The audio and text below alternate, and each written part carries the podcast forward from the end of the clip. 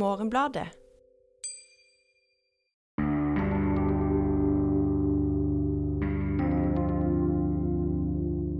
Tenker meg at uh, Hvis man om 10-15 år skal liksom prøve å forstå uh, uh, 2021, så er dette en, en nøkkelfilm å gå tilbake til.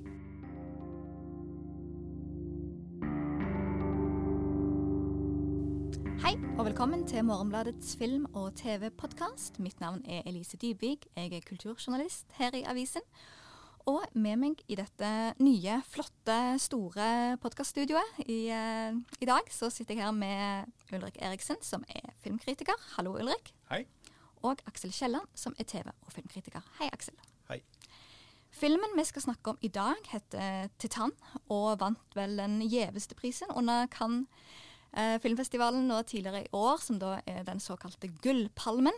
Det er vel andre gang, forstår jeg, en kvinne har vunnet, vunnet denne prisen, og det navnet på hun, det er da Julia, og så kan jeg ikke fransk, så dette kan det være jeg sier helt feil. Julia Ducournau?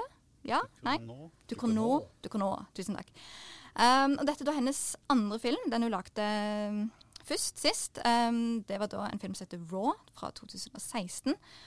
Og den handler vel om noen som får en appetitt på menneskekjøtt. Og jo, jeg ser jo at hun blir jo kalt en provokatør veldig mange steder. Og dette er en betegnelse hun sjøl hater.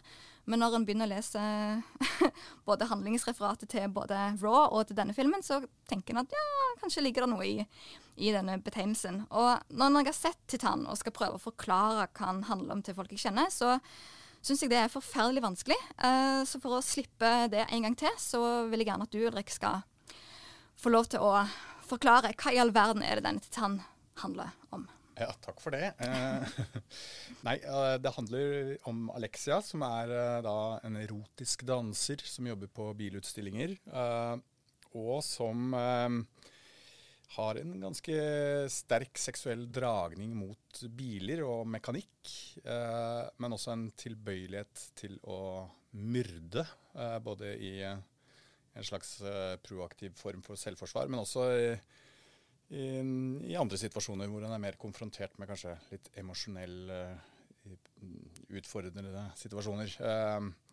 Så hun er jo en kaldblodig seriemorder, rett og slett, som da i et forsøk for å rømme fra loven utgir seg for å være en gutt som har vært savnet i ti år. Så hun tar på seg hans identitet.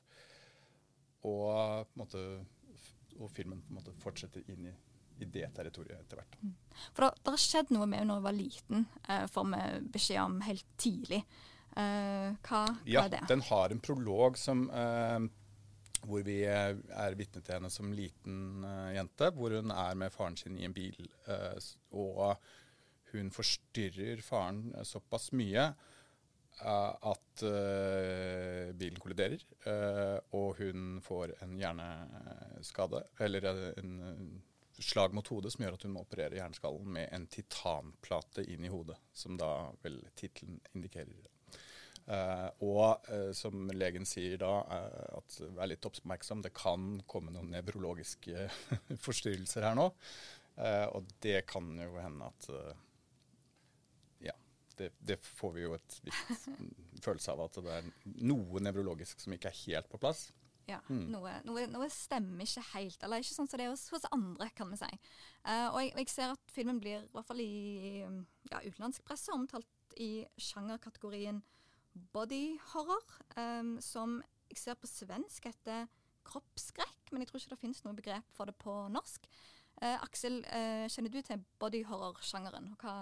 Er dette en body horror-film? Det er jo det. altså Body horror handler jo kort fortalt om um, altså skrekkfilmer hvor det ofte er da hovedpersonens kropp. Noe skjer. Man blir invadert, eller man forandrer seg, eller altså det er noen unormale biologiske prosesser, ofte, ofte monstrøse sådanne, som eh, man ikke kan forklare eller stoppe. Du, du nevnte også Dukernos tidlige filmer. Jeg var og så både Raw og hennes da kortfilm hun lagde før det med Junior i går, på Vega. De hadde en visning av begge to. Eh, også de handler om det samme. Der er eh, altså I Junior så er det mye slim og hud som faller av. Det er en sånn tenåringsjente, hun Garins, Garance Ma- Marillier, som spiller i både Raw og Junior, og så har en liten rolle i, i Titan. og i, i Raw så har du da uh, denne hovedpersonen som får et appetitt for uh, menneskekjøtt. Uh, og så har du her da, hvor du har denne kombinasjonen av metall og hud eller kjøtt. da. For det, man, ikke, man, kan ikke diskutere denne filmen uten å diskutere faktum at hun blir gravid med en bil og ender opp med en altså hun, Måten den graviden, graviditeten skjer, er at det presser seg ut en slags metallivmor av magen hennes. Og hun lekker olje, og hun Ja, i det hele tatt. Um, men jeg vil likevel hevde at i mindre grad enn en vanlig skal man si, Hvis man kan si at det finnes noen sånn standard body horror, så den handler ikke om kroppen i seg selv så mye som, den, som dette liksom kroppslige misforholdet som i overført betydning. Mm. Jeg var, jeg var, i hvert fall smertelig klar over min egen kropp og mine egne kroppslige reaksjoner når jeg satt i uh, salen og så filmen. Um, for særlig i starten syns jeg det var helt, helt grusomt. Uh, det var, hvis ikke det hadde vært for den episoden, så hadde jeg nok uh, kanskje til og med gått.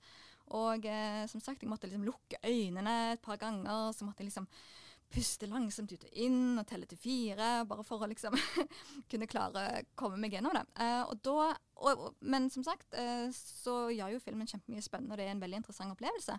Men, men, det slår meg liksom alltid når jeg sitter sånn og ser en film som jeg har hørt mye bra om, hvorfor i all verden skal jeg gidde å utsette meg sjøl for dette? Um, tanker. Men jeg var veldig overraska første gang jeg så filmen. Jeg, jeg, trodde da jeg hadde sett Raw, uh, og jeg hadde sett altså Jeg visste at den hadde vunnet Gullpalmen, og jeg så for meg da at den skulle i hvert fall uh, Selv om den var voldelig, så tenkte jeg at den skulle være liksom gøy voldelig, at den skulle være virtuos. Den være, men den er, den er, veldig ubehagelig. Det er ikke noe sånn Det er ikke gladvold på noen som helst måte. Det er noe sånn ekkel dissonant. Og det er, det er ikke heller det, det er ubegrunna vold. Uh, og det som preger jeg vet ikke, den første halvtimen eller sånn av filmen. Og så, så, forsvinner det ut, da. Men det er en sånn prøve. og og så må man jo da, uh, hvis man er disponert i en retning, legge godviljen til og tenke liksom ikke bare hva er det hun vil med volden, men hva er det hun vil med publikums sånn intense følelse av ubehag. Mm. Og hva, hva, tanker har en, har, har en om det, da? Hvor, hvor, hun vil med dette? Og, og, det er jo en ting som på en måte er helt klart sånn som så, sånn så i starten, at du Uh, en kommer jo ikke innpå En finner jo ikke en tydelig grunn til at du går rundt og dreper folk, f.eks. Hun har en sånn lang, lang, tynn hårnål som hun bruker til å feste på håret, som hun bare drar ut som et slags sverd og stikker ned folk, omtrent. Um, og ja, uh, en sliter jo nesten litt å, å henge med på hva, hva, hva jeg er med på her, uh, Ulrik. Mm. Nei, altså den, den, eh, Ja, det virker jo eh, til dels veldig umotivert. Det er én scene hvor det på en måte kan oppleves som til dels motivert. Altså hun, måte, hun blir forfulgt av en, en, person som åpenbart har eh, ikke spesielt gode hensikter. og hun tenker at ok, det er ikke noe vits å sjekke ut hvor, hvor dette kommer til å ende. Altså, så hun tar på en måte affære relativt tidlig. Eh, det kan man på en måte lettere akseptere enn eh, mange av de andre eh, situasjonene. Da. Men jeg, jeg, tenker jo at det er vanskelig selvfølgelig å akseptere altså Vold jo alltid, kan jo alltid være vanskelig å akseptere. og det er kanskje ikke helt poenget heller. altså At vi skal på en måte forstå det. det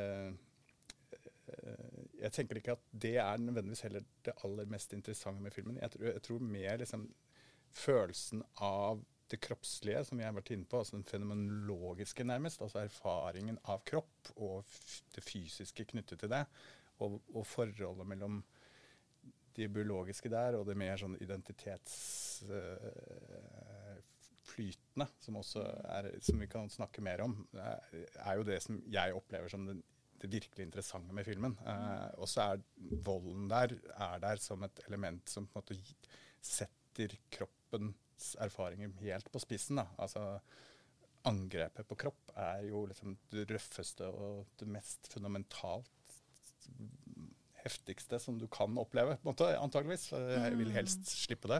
Uh, men, jeg leste intervju med, med filmskaperen der og var inne på at litt sånn, intensjonen fra hennes side var at det er helt bevisst. Du skal ikke kunne relatere eller forstå eller kunne uh, henge med på hovedpersonen i starten i det hele tatt. Eller der, der er det en, helt klart en sperre. Uh, men det du kan henge med på, er det kroppslige hun går gjennom, og hennes, hva hennes kropp uh, gjør. Og det syns jeg er interessant at hun, hun er jo ikke en som bare påfører andre smerte, men hun, hennes egen kropp eh, utsettes for veldig mye forskjellig i løpet av filmen. Eller hun utsetter sin egen kropp eh, for ting for å Ja, av ulike grunner.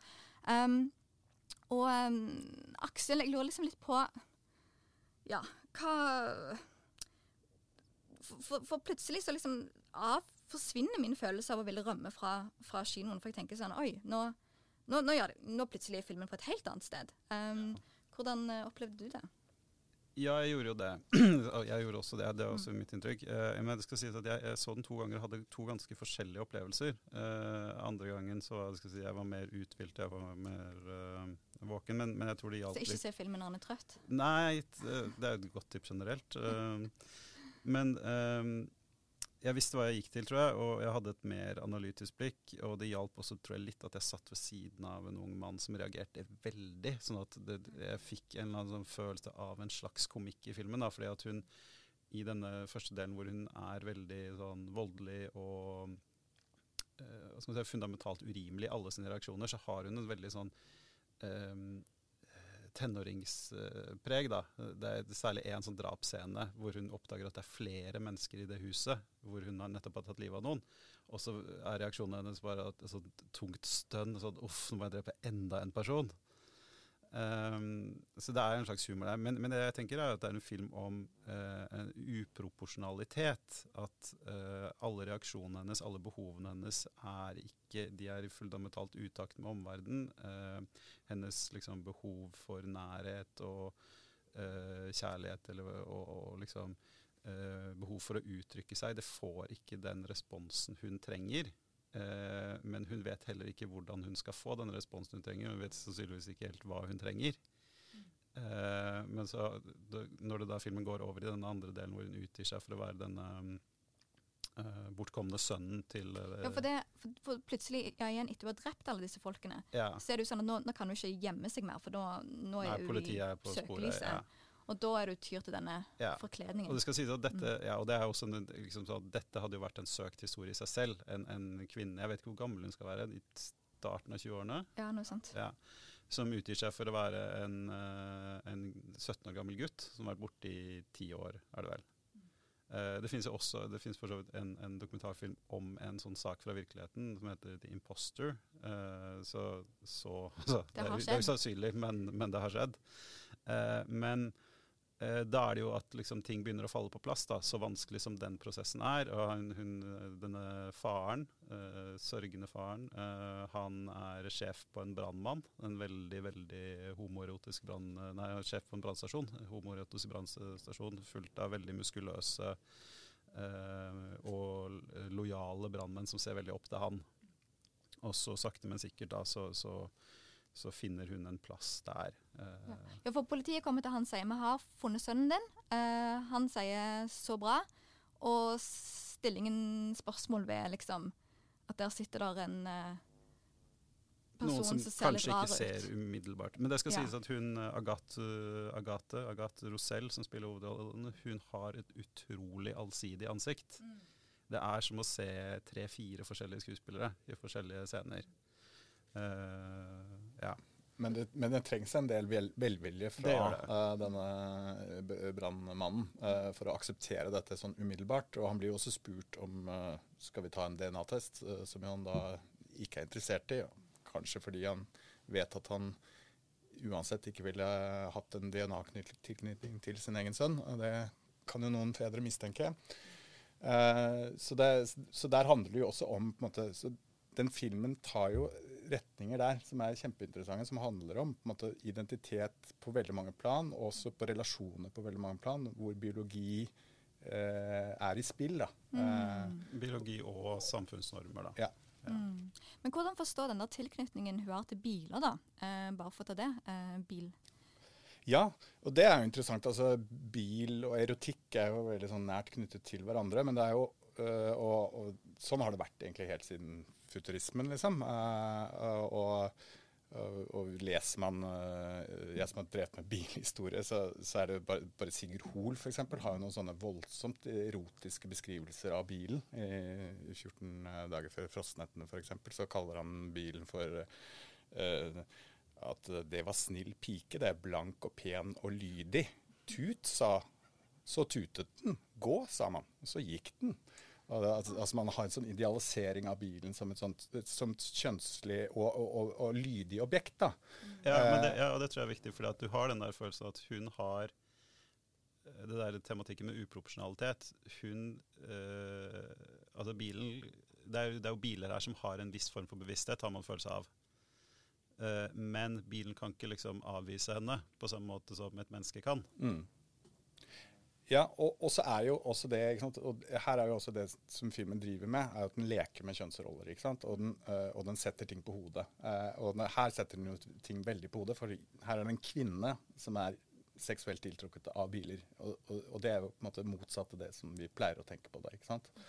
Og, da så hele den fremstillingen der på en måte indikerer at okay, her er vi i et univers hvor vi på en måte er interessert i å på en måte diskutere ting å sette ting i en, i en ny kontekst og, og, og spille på, på, seksuelle ting, eller seksuelle roller og biologiske roller. Uh, ja, hvor man snur om på, ned på det. Og det fortsetter jo også i denne uh, Det er jo ikke tilfeldig at vi er i en brannstasjon, hvor igjen de seksuelle rollene er liksom til dels snudd litt på hodet, og hvor machokulturen får en Jeg får litt sånn Claire Denis eh, Ja, på Botravai. Men også, også eh, Nile City. Eh. Ja, for det jeg syns er fascinerende, er at på en måte så driver ikke filmen og mener at uh, hun har denne fascinasjonen for biler fordi hun var i denne ulykken og fikk en sånn plate i hodet, men han insinuerer egentlig før ulykken starter at her er det en ekstra dragning eh, fra hennes side mot eh, mot eh, ikke, motorkraft. Um, og da, om det er en sånn enkelt som blitt sånn eller født sånn uh, type dilemma, uh, interessant. Men, um, men, det som på en måte også jeg, jeg har vært, uh, tenkt litt på i forbindelse med denne filmen, er jo dette med at en film vet ikke, teoretisk snakker gjerne om at en har tre kroppssjangre. da. Og disse er melodrama, horror og pornografi at eh, ja, hva skal vi si, det er væske av ulike sorter i, i spill. Og så, er jo òg dette tre sjangre som på sine veldig ulike vis er veldig eh, skjønne. da, at, ja, Sånn som melodrama, horror og pornografi. Og nå er vi jo på, på horrorbiten, og som jo òg har et veldig sånn eh, historie for å torturere særlig kvinnekroppen, da, eller utsette kvinnekroppen for grusomme ting på lerretet. Og jeg tror vel eh, eller jeg vet ikke om det stemmer, eller om det er noen sier om Alfred Hitchcock i uh, etterkant, men at hans mantra var bare liksom å torturere kvinnen, og så hadde du en film. Um, så jeg lurer litt på hva er det denne filmen gjør i sin behandling da, av, av kjønn og identitet. Og det som jo er veldig kult, er at han, han tar sånn på alvor det hennes kropp går gjennom, når hun òg får denne bilbabyen, da. Um, og den seriøsiteten den behandler hennes For, for igjen, når hun, når hun kommer i denne forkledningen, f.eks., for som denne gutten som har vært borte, så bestemmer hun seg for å ikke snakke så mye, for å ikke liksom avsløre seg via stemmen. sånn at kroppen hennes er jo den eneste inngangen en har til, til hva hun står i. Um, og selvfølgelig da har hun en mage som vokser, og hun må hele tiden prøve å skjule den når du ser disse arrene på ryggen av liksom det å bandasjere seg og, og prøver fremdeles å framstå som denne gutten. Um, hvor, hvor, er vi da når det gjelder liksom Hvis vi kan se litt sånn filmhistorisk på kvinnekroppen i særlig horror- og skrekksjangeren? Uh, jeg vet ikke om jeg har noe fullgodt svar på det, men, men det, jeg vil si at Hundokur nå er jo et eksempel på, på, en utvikling man har sett kanskje særlig de siste jeg vet ikke, 30-20 årene. At, at, skrekk i stor grad er Man snakker jo skrekk og true crime ofte som kvinnesjangre. Altså det er kvinner ofte det, som er de største fansene.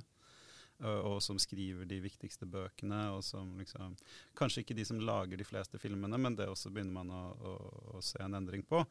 Og um, mitt inntrykk av henne er jo det at hun er Hun har skrekkfilm som en del Altså, det er språket hun bruker.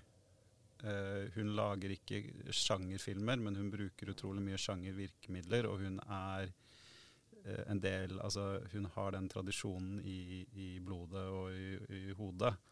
Um, så, så, hun, hun, uh, hun ut, bruker disse virkemidlene og disse tradisjonene for veldig mye vold mot kvinnekroppen, men hun snur på det. Det er et annet perspektiv.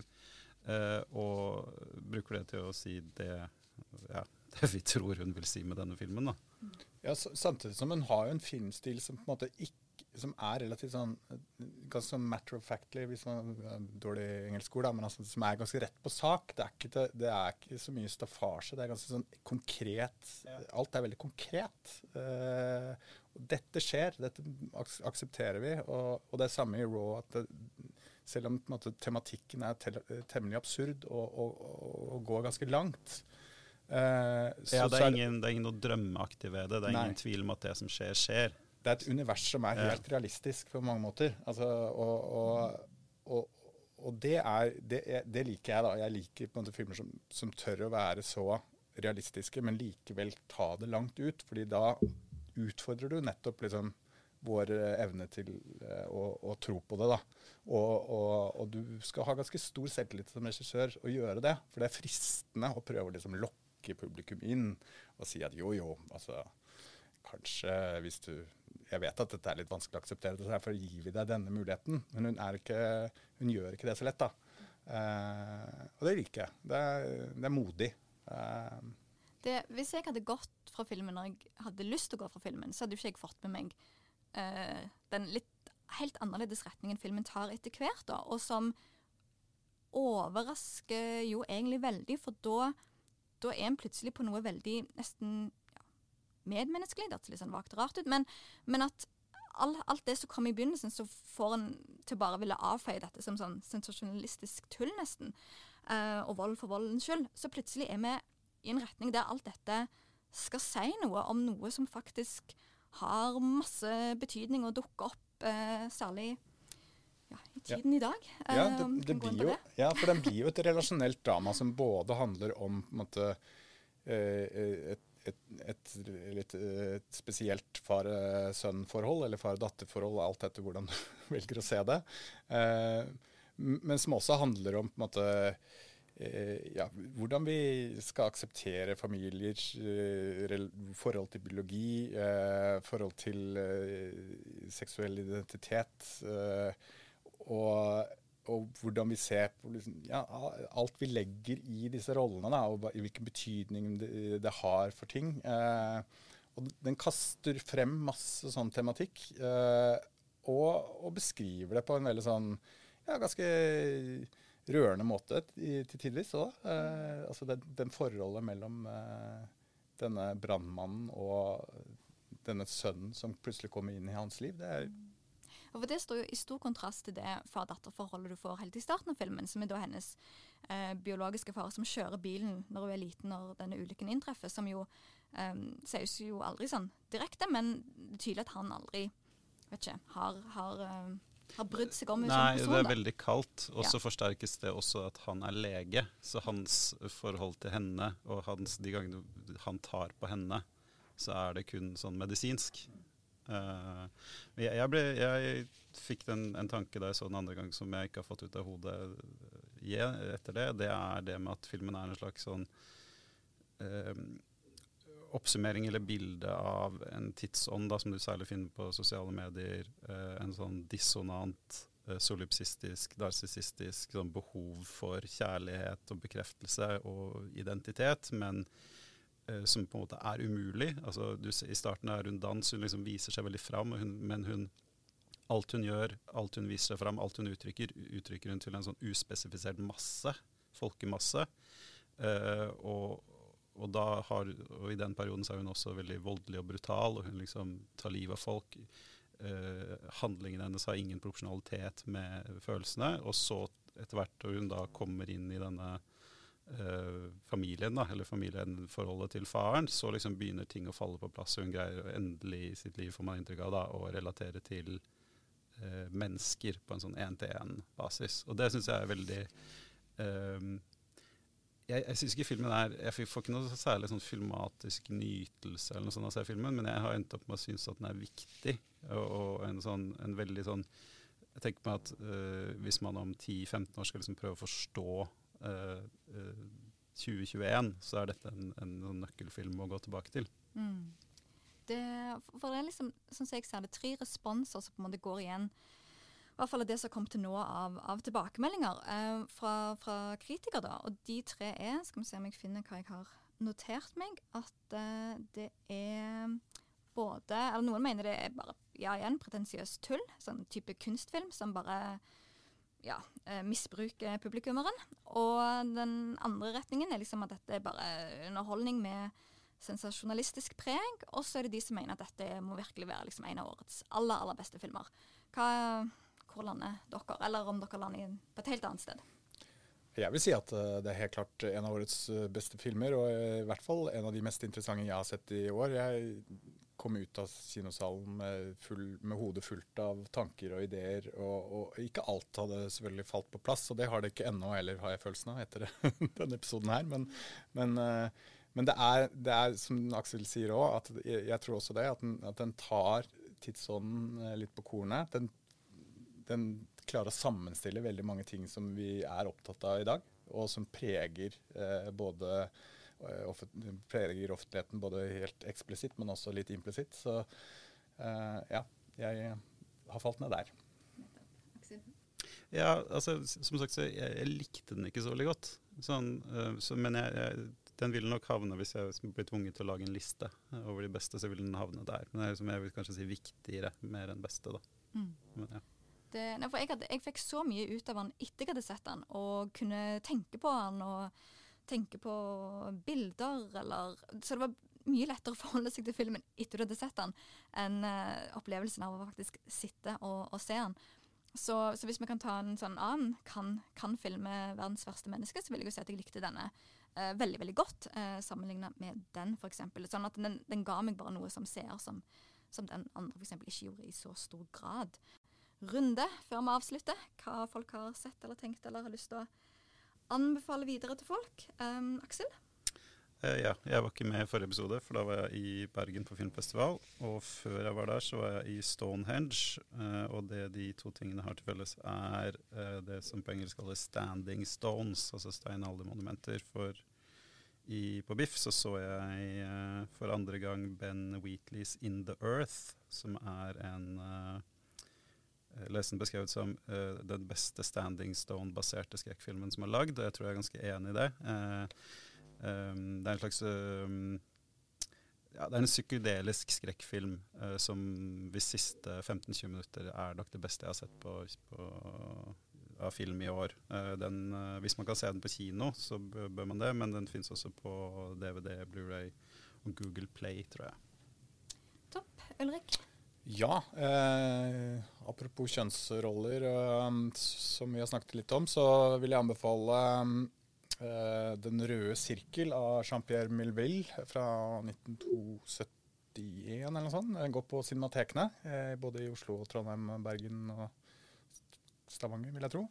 Uh, som er, eh, er, en film uh, som uh, på en måte beskriver mannen som den handlende vesenet. lavmælte eller umælende, det kan man vel også kanskje si. Veldig fåmælte, i hvert fall.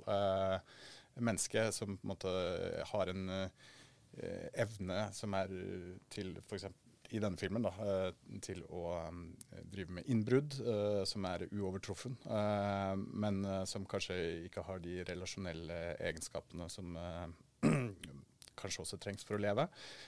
Jean-Pierre Mulville lager ekstremt elegante filmer som er helt sånn estetiske nytelser. Denne filmen er akkurat blitt restaurert, så jeg tror den er vel verdt et besøk. Veldig bra. Da tenkte jeg at jeg skulle nevne at i neste uke så starter filmfestivalen Film fra sør. Og der kan en, så vidt jeg har forstått, se over 70 filmer fra Asia, Afrika og Latin-Amerika. Jeg har ikke plukket meg ut en, eh, noen konkret ennå som jeg skal se, men det tenkte jeg å bruke nå. Ja. Uh, en dag på å gjøre. Så jeg gleder meg veldig til det. Og det fine er jo at uh, de viderefører noe de gjorde under pandemien. At en del filmer blir òg tilgjengelig digitalt, som er veldig bra. For da slipper en å måtte bo i Oslo for å få med seg film fra ja, andre deler av verden. Så vel verdt å sjekke ut eh, den festivalen der. Og det var vel det vi hadde tid for i dagens episode av Morgenbladets film- og TV-podkast. På morgenbladet.no så kan du lese mer om TV og film, og du kan òg tegne abonnement på avisen. Så var det veldig kjekt at du hørte på, og så snakkes vi neste uke.